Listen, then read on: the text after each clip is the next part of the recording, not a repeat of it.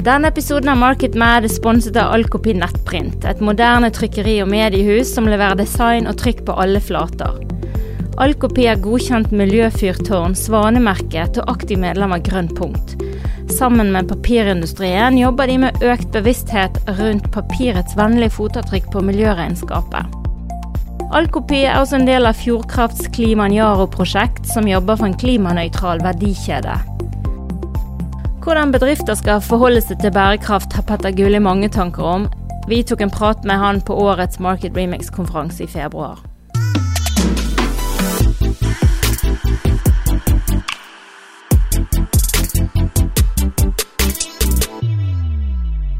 Petter Gulli, velkommen til eh, Market Mad.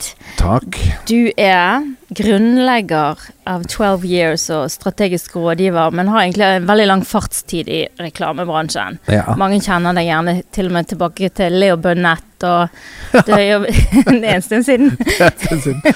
ja. Bay til Singapore har du vært, Karat, Good Morning, BBDO osv. Ja. Du har vært overalt, du. Jeg tror jeg har vært i ikke alle, men de fleste store byråene i Norge. Som Ja. tekstforfatter og som kreativ leder. Men nå så har du på en måte Følger du hjertet, det har du sikkert gjort hele tiden, men nå banker hjertet ekstra her for uh, markedsføring i bærekraftens tid, for å si det på den måten, da. Ja, altså 8. oktober i eller 6. eller 8. oktober i 2018 så kom IPCC med rapporten som ga oss tolv år på lede nei, på å klare å nå halvannengradersmålet. Og det var den dagen jeg bestemte meg for Og da hadde vi jobbet, vi for så vidt snakket om bærekraft inn i reklamebransjen siden 2016. Mm. Uh, og vi holdt på å dra Good Morning i den retningen, men da bestemte jeg for at nå vil jeg bare jobbe med det. Ja. Nå skal jeg bare jobbe med det resten. Og så gikk det til mai før jeg var ute. Og starta for meg selv, Mm. som det du sa, rådgiver. Eh, og tekstforfatter litt òg, faktisk. Mm. Skrev, har nettopp skrevet en bok Det har jeg som heter 'Håp for eh, en praktisk guide for klimaoptimister'. Ja. Ja, og eh, altså Er det håp for bare optimistene, da, eller er det at vi alle kan bli klimaoptimister? ja, det er nok for at vi alle skal bli klimaoptimister. Eh, og, og det er en sånn, vi, vi lever i en litt sånn brytningstid. For er, noen mener jo nå at vi, noen hardcore miljøvernere mener at vi bør forberede oss på akopalypsen, og at det kommer til å gå så galt at Mm. Vi er nødt til å, å faktisk leve med og, og det kommer til å gå mye galt eh, for andre land enn oss på mange måter. Ja. Men jeg tror nok vi må forberede oss på mye større flyktningstrømmer. eh, Vi må forberede oss på endrede temperaturer, endrede forutsetninger på mange nivåer. Men jeg tror også at vi kommer til å klare oss ganske bra, spesielt i Norge. Og så er jo mennesker fantastisk. Vi er jo, Darwin sa jo ikke at det var de sterkeste som overlevde, men de som var best til å endre seg. ja. Mm. Og så skjer det utrolig mye positivt og spennende rundt i verden som folk ikke vet om, fordi mediene heldigvis har tatt klima på alvor og begynt å skrive veldig mye om det, men det går mest i det negative. Ja. ja, og det er litt sånn eh, sånn? Snakker vi for lite om mulighetene som ligger i det grønne skiftet? Ja, Det er så lett, det er mye sånn dummedagsprofeti og det er ikke for å undergrave alvorligheten i det, men, men vi kan jo risikere at folk blir trøtte av hele pratet før vi kommer opp i fart og får gjort noe stort nok. Ja, og Hvis vi legger grønnvasking og sånn til side, som vi skal snakke om etterpå, så la oss bare ta det du sa der først. Fordi hvis folk får for mye dommedag, så blir de apatiske. Ja. Og da gir man til Og hvis du, hvis du faktisk tror at det kommer til å gå til helvete, da er det ikke noe vits i å gjøre noe lenger heller. Så da slutter man jo Da kan man liksom bare forbruke som gærne og holde på. Ja. Eh, per Espen Stoknes, som er eh, klimapsykolog eh, og førsteamanuensis på BI, leder Grønn vekst, han sier at eh, du må ha én For hver dårlig nyhet du kommer med, så må du gi folk tre gode. Mhm. Og det har de forsket, seg, forsket Ja. på. Så hvis Så- folk skal få håp, så må de få tre gode nyheter Mm. per dårlig. Og jeg prøver Jeg har prøvd å være konsekvent på det på min Facebook-vegg. Nå er det noen som mener at jeg er dommedagsprofet, men, men jeg prøver å dele mest mulig av de positive nyhetene. Og det skjer utrolig mye bra, Ja. som jeg sa. Og, det, og så er det jo sånn sant, at ting går fort. Du har snakket mye om, du har snakket om ekspotensiell vekst tidligere i dag her. Eh, I en annen sammenheng som handler om teknologi. Men det skjer Mm. jo også på bærekraft. Eh, prisen på solenergi har gått ned med 82% siden på ti år. Altså det å installere det? Det det, det å produsere det. Oh ja. ja. Så, så, så, så produsere strøm av sol. Eh, sånn at i enkelte steder nå så er det sånn at det, det er dyrere å drifte et eksisterende kullkraftverk Ja. enn å bygge et nytt solkraftverk. ja. Og da begynner, vi? Da, da begynner det å skje ting som er voldsomme, da.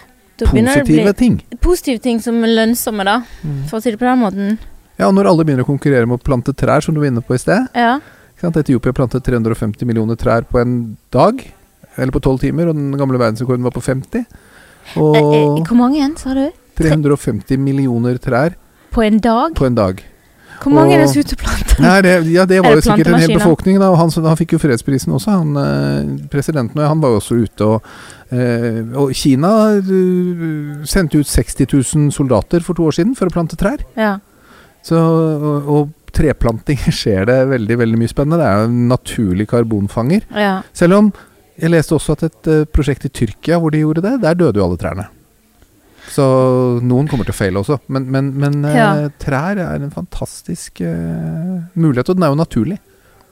Ja, og det ligger nok muligheter i det der som du sier, å leve litt sånn som farmor. Altså, satt på spissen. Ja, Altså, har vi gått har, har, Gjør vi ting eh, for Rett og slett for dumt?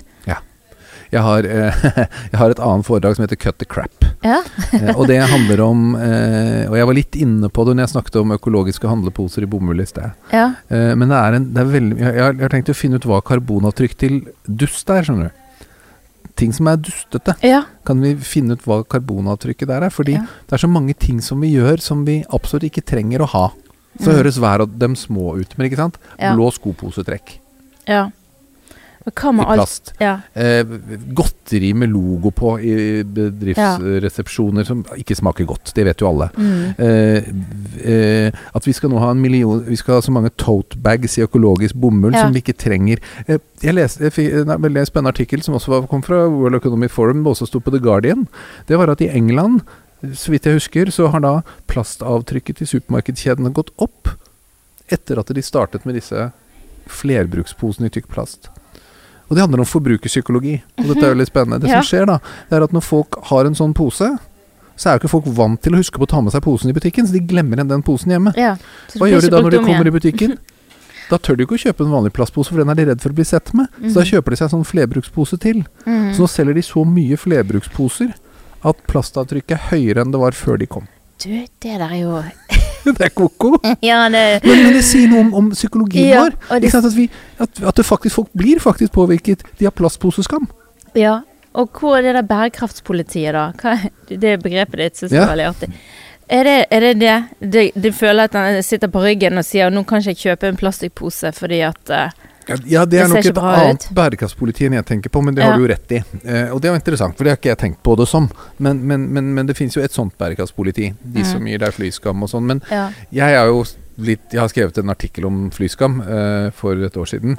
Eller et halvt år siden. eh, og jeg er jo egentlig litt lei av alt det kjaset om flyskam, og at det er miljøbevegelsen som påfører folk det, og spesielt MDG som fikk skylda. For jeg har vært jeg, Min flyskam er ikke påført av noen. Den Mm. har jeg klart helt fint selv, Mm. fordi jeg vet altfor mye.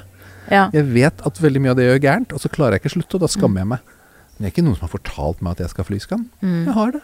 Jeg Ja. har det naturlig. Jeg har plastposeskam, og jeg har biff, eller er ikke biff, jeg spiser ikke så mye biff, men jeg har litt kjøttskam og Mm. bilkjøringsskam og Men jeg, det kommer fra inni fra meg, det kommer ikke fra noen andre. Mm. Men, men det jeg mener med bærekraftspoliti, er at når vi snakker om merkevarer og, og markedsføring, da, Mm. ta det til der vi er, det vi Ja. er for, så tror jeg at det er mange som kommer til å bli tatt med buksene nede.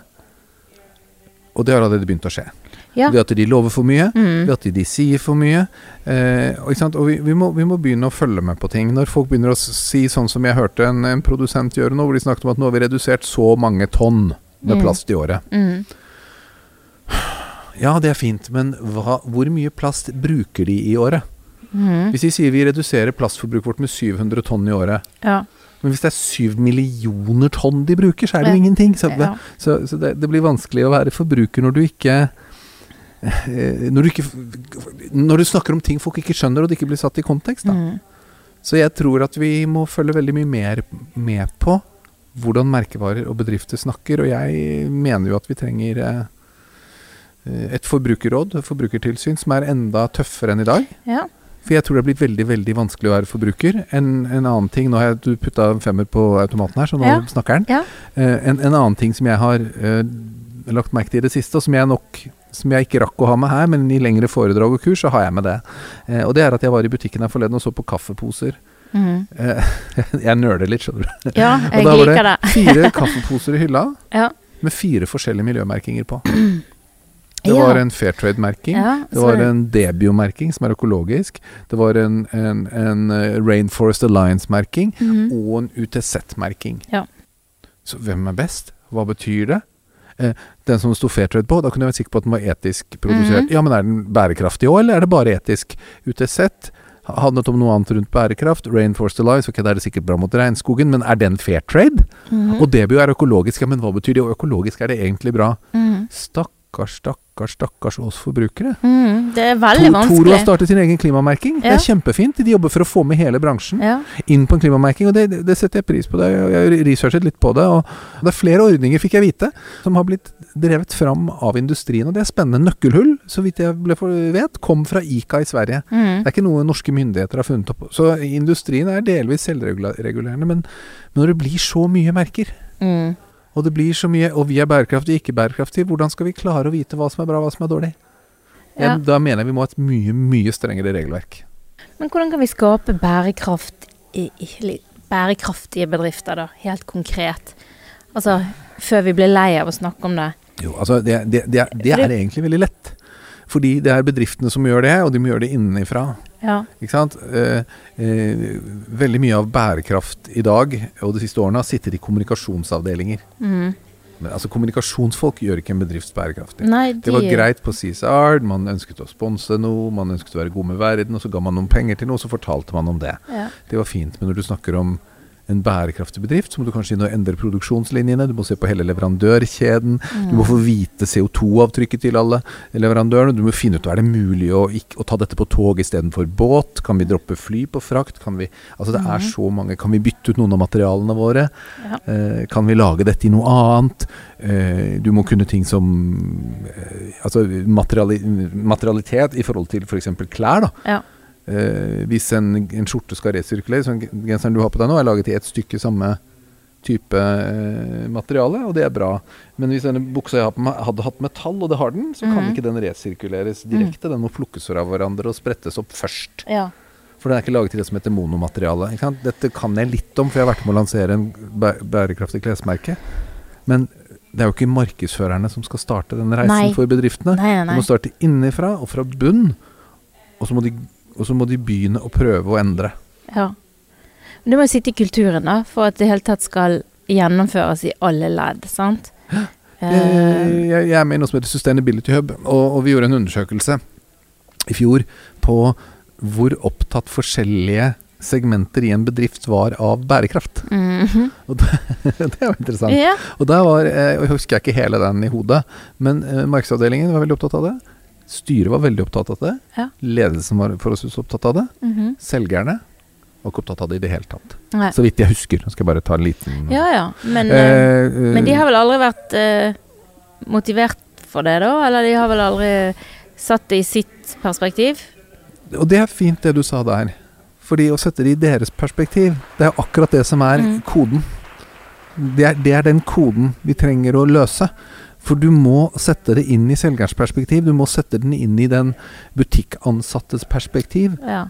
Du må få alle til å skjønne at dette her er Altså, du må jo få alle i en bedrift til å forstå at dette er viktig.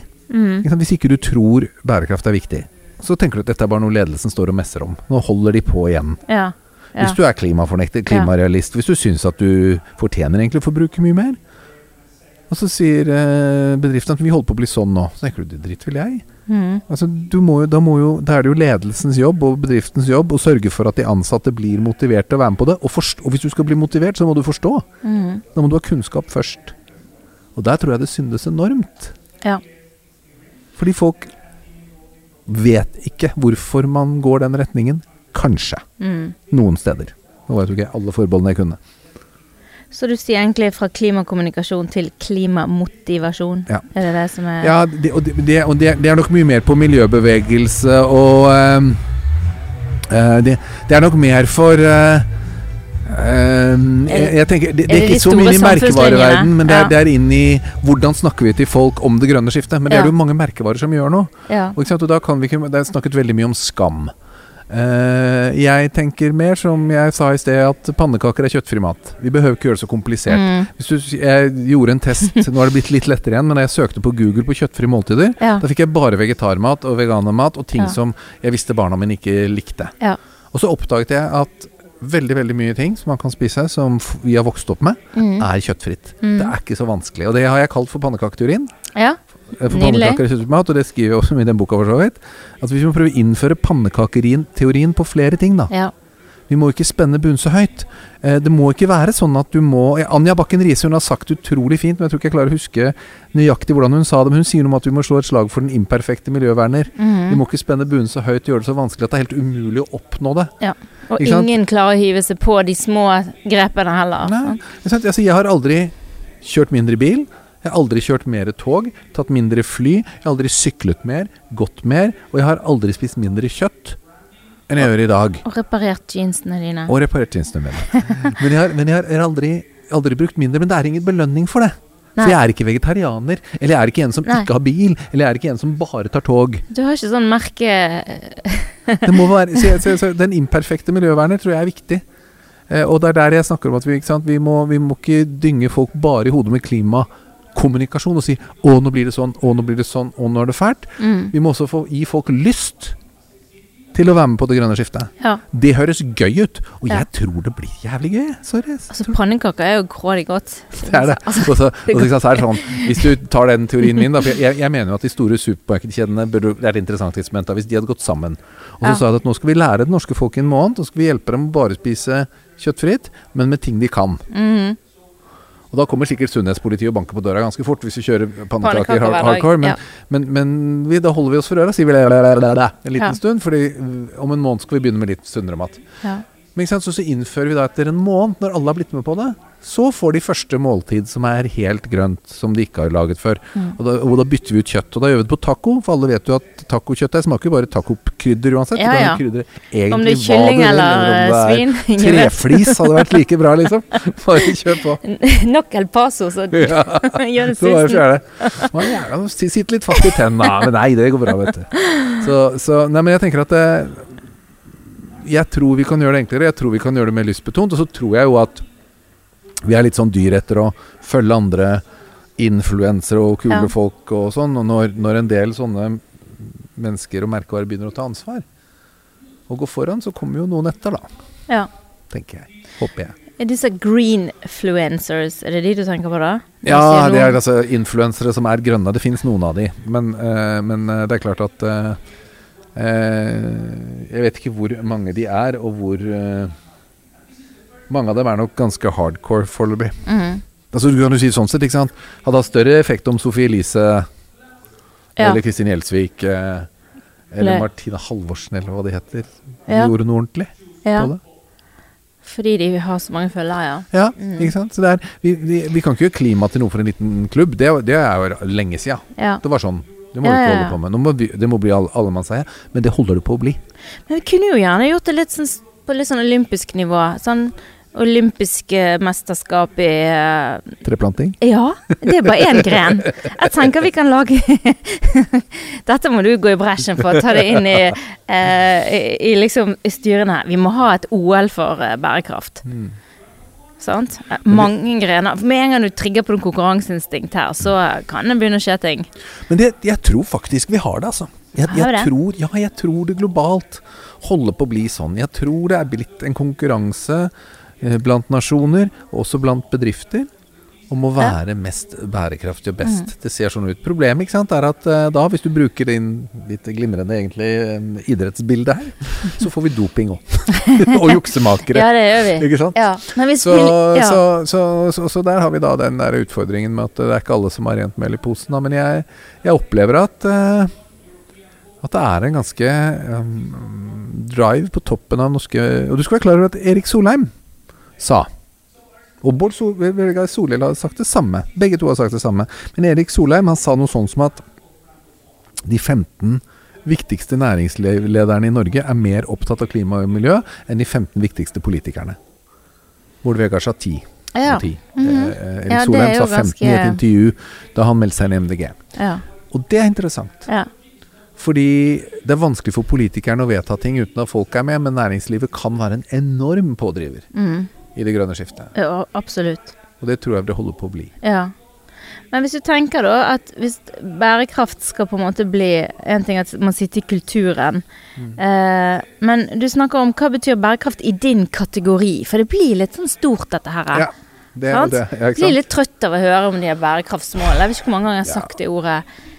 Og jeg, jeg pleier jo bare å si en ting. Jeg pleier, pleier alltid Nå har jeg jo da sikkert ikke gjort dette i det intervjuet i det hele tatt, men jeg prøver å være konsekvent på å si Å si bærekraft og samfunnsansvar Ja. alltid sammen. Fordi samfunnsansvar er et fantastisk ord. Det kan du snu på hodet. Ja. Så kan du si ansvar, samfunn. Tar du ansvar for samfunnet? Mm. Du kan snu det til et spørsmål. ja.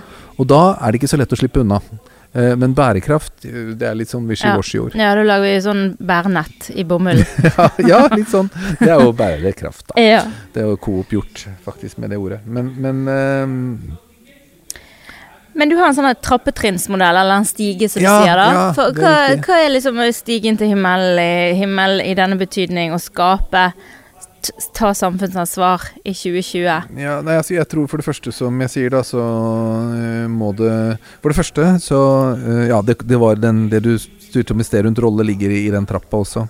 Eh, første trinn i trappa er jo at du skal ehm, Bærekraft må sitte i Jeg kaller det bærekraftstrappa. Ja. Og det er sånn at det er en trapp, så du må starte på trinn én. Du får ikke Ja. lov til å starte på trinn tre eller fire. Eh, eh, trinn én er at du må sitte i kultur og drivkraft i bedriften. Det har Mm. vi snakket en del om Ja. allerede. ikke sant? At det, må, det må være eh, sånn at eh, de ansatte er med på det, og skjønner det, og forstår det, og alle jobber mot et felles mål. Ja. To, produktet ditt du må, du må levere på produktnivå akkurat like bra som konkurrentene dine. Ja. Ikke sant? Og nå skulle du få en historie jeg ikke sa i sted. Jeg var en gang i en Helios-butikk. Gudene vet hva jeg gjorde der, men da fikk jeg i hvert fall tilbud om en sjokolade som var gratis. Og den var med omega-3. Og jeg sa du kan ikke ha omega-3 i sjokolade. Jo, den var kjempegod, sa hun. Den smaker akkurat som sjokolade. Altså jeg, og dum som jeg var, så sa jeg tusen takk til gratis sjokolade, spiste og kastet opp utenfor butikken. Ja. For er det noe alle vet, Yes. og burde vite at du kan ikke forene tran og sjokolade. De to tingene har lite med hverandre å gjøre. Mm. Så det produktet leverte jo ikke på sjokoladens premisser i det hele Nei. Og det samme gjelder i alle kategorier. Kjøper du møbler, så skal de være like gode å sitte i og like slitesterke og Ja. se like kule ut som før, selv om de er bærekraftige. Kjøper du klær, gjelder akkurat det samme. Vaskemidler som Klar må vaske like bra. Da kan de til og med koste mer, som de gjør, så lenge mm. de ser bra ut og de er bærekraftige, men de må fungere på det de er laga for. Mm. Og så kommer trinn tre. Du må gjøre noe som er relevant og troverdig. Du tar en troverdig og relevant rolle Ja. i din kategori. Ja. Og da er det 17 mål. Og i dag handler alt om klima og miljø. Det er jo jeg glad for som klimaaktivist, og det er det viktigste vi gjør, men det passer ikke for alle nødvendigvis. Eh, teleselskapene Telia og Telenor f.eks. Ja, store utslipp gjennom sikkert serverparker og sånt noe langt bak. Det er langt vekk fra folks hverdag. Men det vi vet om, er nettmobbing, utestengelse, alle de tingene som som det skjer noe med, Ja. eh, som også ligger innenfor Det er 17 mål, ikke sant. Ja, ja. Det er jo en, det er som noen sa, det er jo en, det er jo en moderne businessplan for verden. Mm. La oss fikse alle disse. Og jeg tror en del bedrifter bommer litt på, kanskje, selv om man har blitt ganske proffe nå, på hva som er relevant for dem. Og så, hvis Mm. jeg får lov, så er det en ting som jeg også har funnet ut, og det er at de fleste bedrifter har vesentlighetsanalyser. Og det er de viktige analysene, de som handler om hvor kan vi virkelig endre produksjonen eller det vi Ja. gjør. Hvor, hvor har vi størst impact. Det er fint. Men det finnes jo tilfeller også, da. Med bedrifter som har store ting de kan endre på, men som ikke betyr noen ting for forbrukerne. da. Mm. Ja. Så, sånn som f.eks. Mårud, da, som er kjempebra på Eller, eller som jobber, med, jobber mye med bærekraft. Og de har et, et potensial til å redusere vannforbruket sitt. Mhm. Hvor relevant er det for folk som kjøper chips? Nei, men, at de men må vi fortelle om alt? Kan ikke vi på en måte ha et etisk standard på måten vi driver sjappa? Jo, altså jeg, jeg tror at det er veldig mange ting du skal gjøre. Mm. Fordi du skal være et bra selskap. Men det er ikke alt av det du gjør som det er noe vits i engang å bruke tid Nei, på å fortelle forbruker. For det har, ingenting med, det har ingenting med kjøpsintensjon å gjøre. Nei. Det trenger ikke lande i kommunikasjonsavdelingen til slutt. Ikke på alt. Nei. Eh, Eller i hvert fall så må du gjøre en relevansanalyse på toppen av vesentlighetsanalysen. Så finner du ut ok, men av alle de tiltakene vi gjør her, og de vi skal gjøre, vi har en liste med 20 tiltak kanskje f.eks., så sier du hvilke av disse er relevante for folk internt. Mm. Hvordan klarer vi å hooke de? Kanskje det er noen ting som ikke er det viktigste, men vi må ha med de inn, for dette gjør at de internt kommer til å tenne på det. Mm. Og hva er det som får forbrukerne til å tenke at dette var kult, dette vil vi være med på, dette er bra. Mm. Hva er det? Og det er ikke nødvendigvis heller det er det som er det Det er ikke sikkert at det er der du gjør mest, Nei. men du må se i hvert fall på det, da. Ja. Men eh, sånn eh, avslutningsvis, hva kult er det som skjer i Norge, da? For du sier det er jo kule ting som skjer. Og altså, eh, kan vi avslutte på en litt sånn happy tone? Altså, ja, vi skal få en litt eh, kan jeg- Altså, har du jeg noen har gode eh, gla ja. gladsaker? Det skjer masse fint. Eh, I 1938 så var det en eh, i, I boken min, da, siden vi får lov å snakke om den, så har jeg jo delt den i Brutale sannheter og fantastiske muligheter. ja. Eh, og eh, Fantastiske muligheter-kapitlet snakker først om karbonfangst og -lagring, og om sirkulærøkonomi og forbruksting og masse bra ting. Men så skriver jeg om de nye norske heltene. ja. Eh, og da skriver jeg om sånn som Choose, som har jo vært premie her. Eh, en startup som selger klimakvoter, som er kjempebra. Jeg snakker om Too Good To Go, ja. som funnet opp av en norsk dame. Som jo eh, Matredder-appen, som nesten har en million brukere. ikke sant? Mm. Snakker om Tice, som har 650 000 brukere. Som endrer mønstrene folk kjøper. Jeg Snakker om Bua. Jeg snakker om kjøttdyrkerne på Ås. Mhm. De, altså, eh, Landbrukshøgskolen på Ås, hvor de dyrker kjøtt i laboratoriet. Som Ja. vi snart skal kunne spise uten at det har vært på en ku. Oh, ja. Det er ganske Ja. kult, ikke sant? Jeg snakker om um, Det er en fyr som heter eh, De heter Desert Control. De jobber med å lage Gjøre om ørkenjord til dyrkbar jord ved mm. nanoleire. Jeg skjønner jo ingenting av sånt. Nei. Eh, du har noe som heter geofence, som er eh, en, eh, et gjerde som du ikke kan se. Som geiter beiter på, så er det Mhm. lydbølger eller noe sånt som gjør at Ja. de ikke går forbi. Du har eh, bio, eh, Biotex med Biovatec Å, husker jeg ikke navnet plutselig. De som lager plaster av eggeskall. Mm. Eh, vi har sånn som en, en fyr fra Haugesund som jobber med Som var på Nav og endte med å samarbeide med NASA om algekulturer. Oh, ja. Eh, vi har masse spennende som skjer på, langs kystlinja vår. ja. Eh, vi har eh, Svogeren min jobber i Norsk Gjenvinning. De har laget en gjenvinningsfabrikk for gips. Ingen som tenker opp det når de pusser opp. Ikke sant? De bare Nei. slår og hamrer løs på de platene. Det er jo Ja. bare som pulver. Bare send dem til et sted, knus alle, så blir det nytt pulver, og så setter du dem sammen igjen. Ja. Så det skjer masse, masse masse spennende. Jeg vet ikke om jeg kommer på det beste nå, men ja. ja. Og vi har no norsk bilproduksjon. Det er bare- egentlig bare produsert fem biler i Norge som er troll. ja. Men Paxter i Sarpsborg, de, de har som mål å lage 7000 biler i året. Ja. Og det er ingen som vet om det. Nei. Og det er så kult.